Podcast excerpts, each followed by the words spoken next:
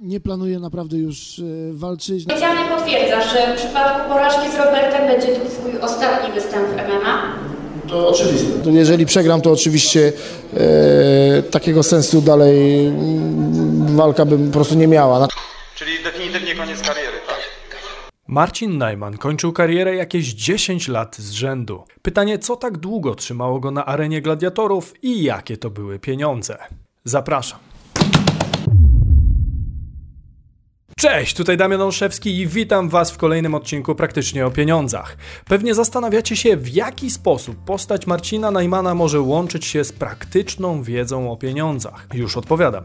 Zaraz po tym, jak zamaszystym prawym sierpowym klikniecie łapkę w górę na potrzeby algorytmu. Ja poczekam, spokojnie.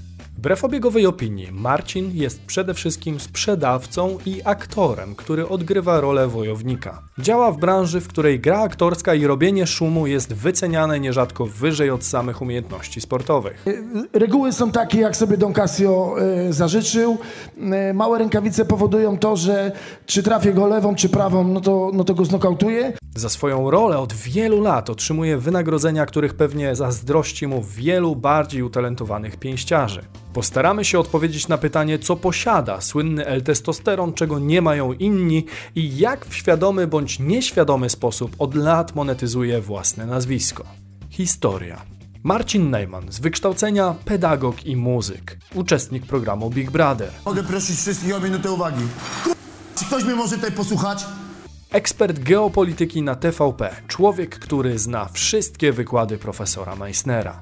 Ja znam wszystkie wykłady profesora Meissnera e, na temat czasu przestrzeni. W ciągu ostatnich kilku miesięcy jeden z najpopularniejszych sportowców w Polsce, jeżeli tak możemy to określić, według wujka Google'a.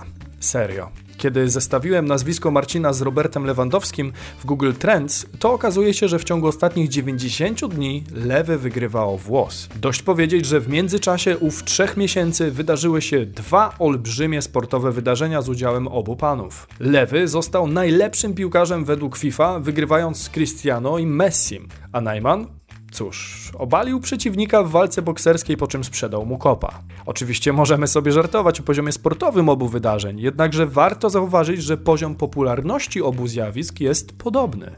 To powinno nam wiele mówić o tym, co jest na najważniejszym miejscu w hierarchii widza, który jest konsumentem tych treści, co ceni jako odbiorca i za co gotów jest zapłacić. Wróćmy jednak do Marcina. Marcin L. Testosteron Najman to zawodnik, który stoczył w życiu około 30 zawodowych walk z rekordem 15 zwycięstw i 8 porażek w boksie i dwóch zwycięstw i 5 porażek w formule MMA. Część z Was może zastanawiać się, kim trzeba być, żeby przegrać z Marcinem. w gronie tych, których pokonałeś. Jeden zawodnik, 2005 rok, z tego co pamiętam, to jest Ring Chicago, y, Doug Phillips, rekord 6-4 i 11 zwycięstw pozostałych z zawodnikami o ujemnych rekordach, no tak? tak. Dwa, czterdzie- dwa zwycięstwa, 47 Nie, no, porażek nie, no, nie, no, 24 lata spędzone w ringu uhonorował niedawno przegraną walką z Szymonem Taksi Złotówą Wrześniem. Co ważne, po walce Marcin po raz 378 ogłosił, że do ringu już nie powróci. Jednak tym razem to już podobno na serio. No chyba, że kogoś będzie jeszcze stać na zawodnika tej klasy. Po walce i u Kuby Wojewódzkiego zapowiedział, że do ringu nie wróci, dopóki ktoś nie zdecyduje się zaoferować garzy w wysokości pół miliona złotych. Magiczna furtka została otwarta. Tylko wyjdę w jednej okoliczności jeszcze raz do oktagonu bądź ringu, kiedy na stole pojawi się pół miliona złotych. Pół miliona? Tak. Ty, ale dwa dni temu był milion. Pamiętajmy, że Marcin ma dopiero 42 lata, a odklepywać można spokojnie do 70. Zresztą czasoprzestrzeń jest zakrzywiona, co zresztą podkreśla sam Marcin. Zależy od miejsca, w jakim się znajdujemy we wszechświecie i od szybkości, jak leci nam czas. Także nie jest łatwo obiektywnie ocenić, do jakiego wieku Marcin mógłby walczyć, bo każdy obiekt inaczej odczuwa czas. Pytanie, czy postawiona na poziomie pół miliona poprzeczka będzie z czasem maleć, czy może wcześniej doczekamy się kolejnej spiny o byle co i gadkę w stylu Wiem co mówiłem kurwa, ale nie będzie mi tu matki obrażał gnojek. Skoro już przy pieniądzach jesteśmy, to pytanie, ile dostaje się za takie spektakle? Ile zarabia Marcin Najman? Zobaczymy, jak włodarze otworzą szeroko skarbiec, to W trakcie researchu do tego odcinka odkryłem zabawny fakt. Mianowicie Marcin Najman potrafi zarobić więcej na sekundę niż Robert Lewandowski. Gdyby policzyć wyłącznie moment starcia w pojedynkach między Marcinem a Mariuszem Pudzianowskim czy Trypsonem, to zarobki L-testosterona w przeliczeniu na czas spędzony w ringu są spektakularne. Obie walki trwały odpowiednio ile było spodziewane? 31? 44. 44? Teraz chodzi Ale to szybciej, o szybciej 20 Trypson?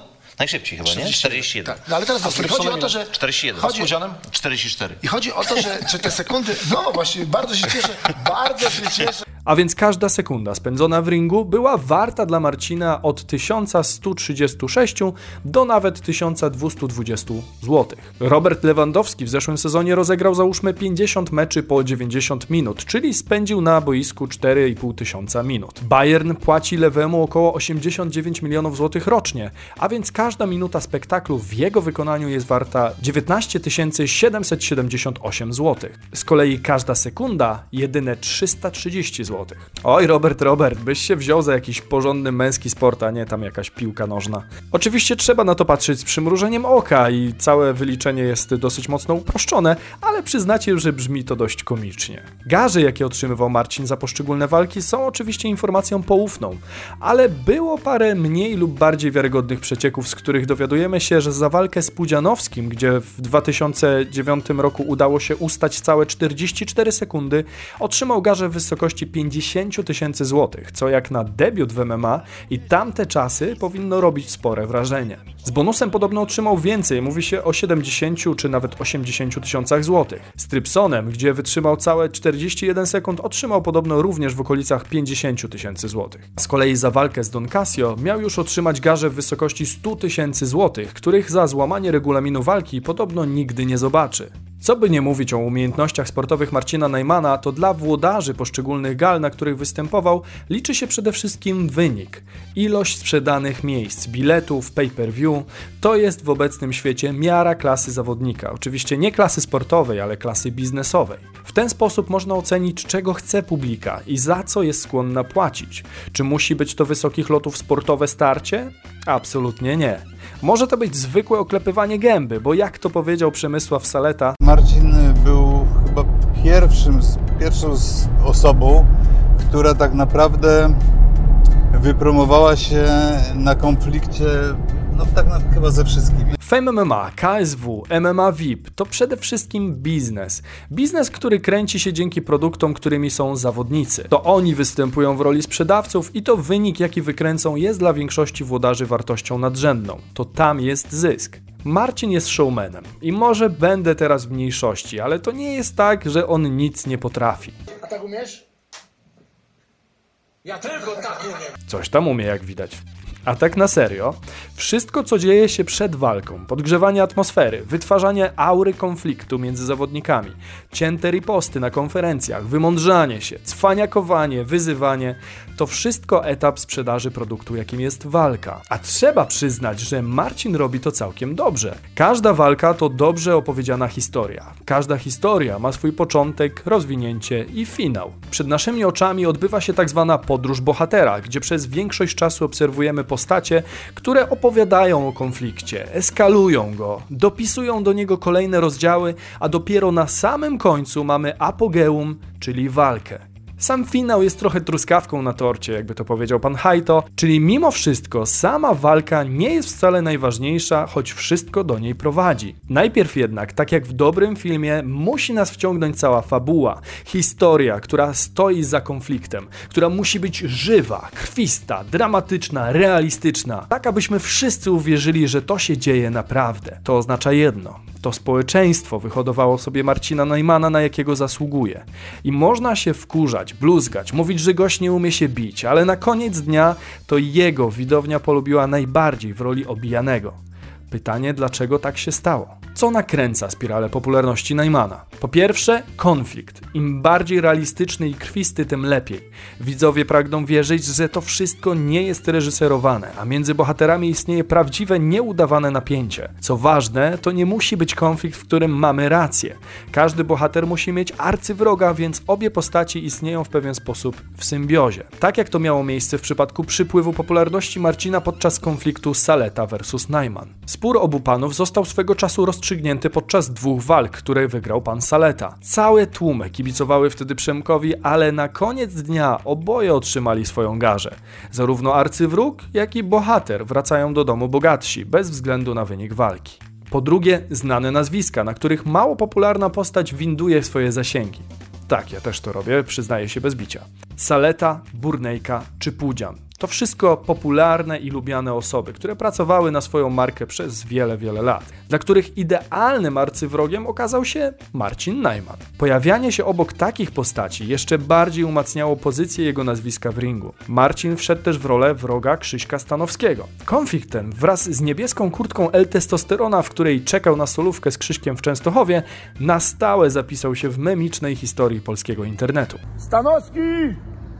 Tym samym popularyzując nazwisko Marcina jeszcze bardziej. Dowodem tego stanu rzeczy może być choćby odcinek Hate Parku z naszym bohaterem, który zrobił już ponad 4,5 miliona wyświetleń. To całkiem sporo, jak na realia 30-kilkumilionowego kraju. Po trzecie, kontrowersyjność, czyli nieważne jak mówią, byleby mówili. Czy słyszeliście kiedykolwiek wcześniej o bokserze, który podczas walki obala przeciwnika, a po zwróceniu uwagi go kopie?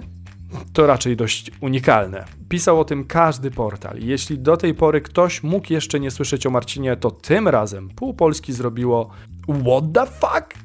Zasięgi pana Marcina poszybowały w kosmos. Można powiedzieć, że był na ustach wszystkich. Większość kibiców szarpała go słownie, ale co mogłoby dać więcej przyjemności niż ponowne oglądanie obijania go w arenie? Skandal skończył się więc kolejną walką pożegnalną, tym razem zorganizowaną przez samego Marcina za kolejne pieniądze i z takim samym rezultatem.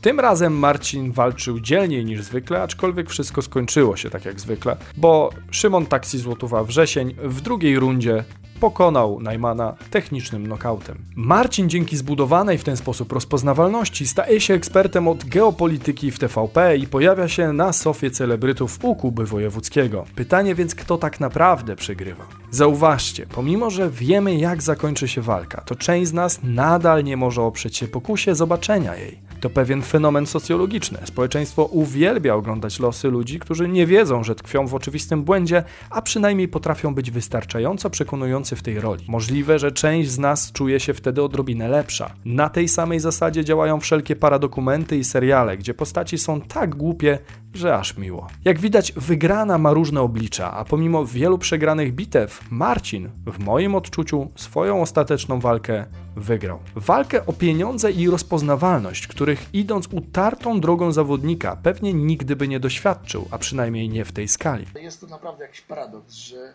gdy już przestałem być takim wyczynowym sportowcem i, i, no, i, Pojawił się element i pojawił się element rozrywki w tych walkach, dopiero wtedy pojawiły się pieniądze e, w, tym, w, tym, w tym biznesie i to jest, to jest z jednej strony smutne. To człowiek, który miał przed sobą dwie ścieżki. Jedną ścieżkę zawodnika, w której byłby pewnie co najwyżej przeciętny, a jego 5 minut trwałoby pewnie nawet krócej niż 5 minut. I drugą ścieżkę showmana, aktora, człowieka, który wie, że nie potrafi walczyć, a jednak mówi o wiele więcej niż potrafi. Robi dużo szumu, sprzedaje bilety i w tym wszystkim wychodzi na swoje. I to na pewno o wiele lepiej niż wyszedłby w tej pierwszej ścieżce. Pytanie, jak sami oceniacie ten fenomen? Czy w tej sytuacji Marcin jest wygranym, czy przegranym? Dajcie znać w komentarzach. A jeżeli podobał Wam się ten odcinek, to dajcie suba i łapkę w górę. Widzimy się w kolejnych odcinkach. Cześć! Dajcie proszę znać, jak podoba Wam się formuła odcinka, w której zupełnie nie widać mnie na ekranie, a jedynie słychać mój głos, bo jestem ciekaw, jak to odbieracie. Nie ukrywam, że w niedalekiej przyszłości planuję stworzyć podcast, a wtedy do dyspozycji będę miał wyłącznie głos. Także powoli testuję swoje możliwości.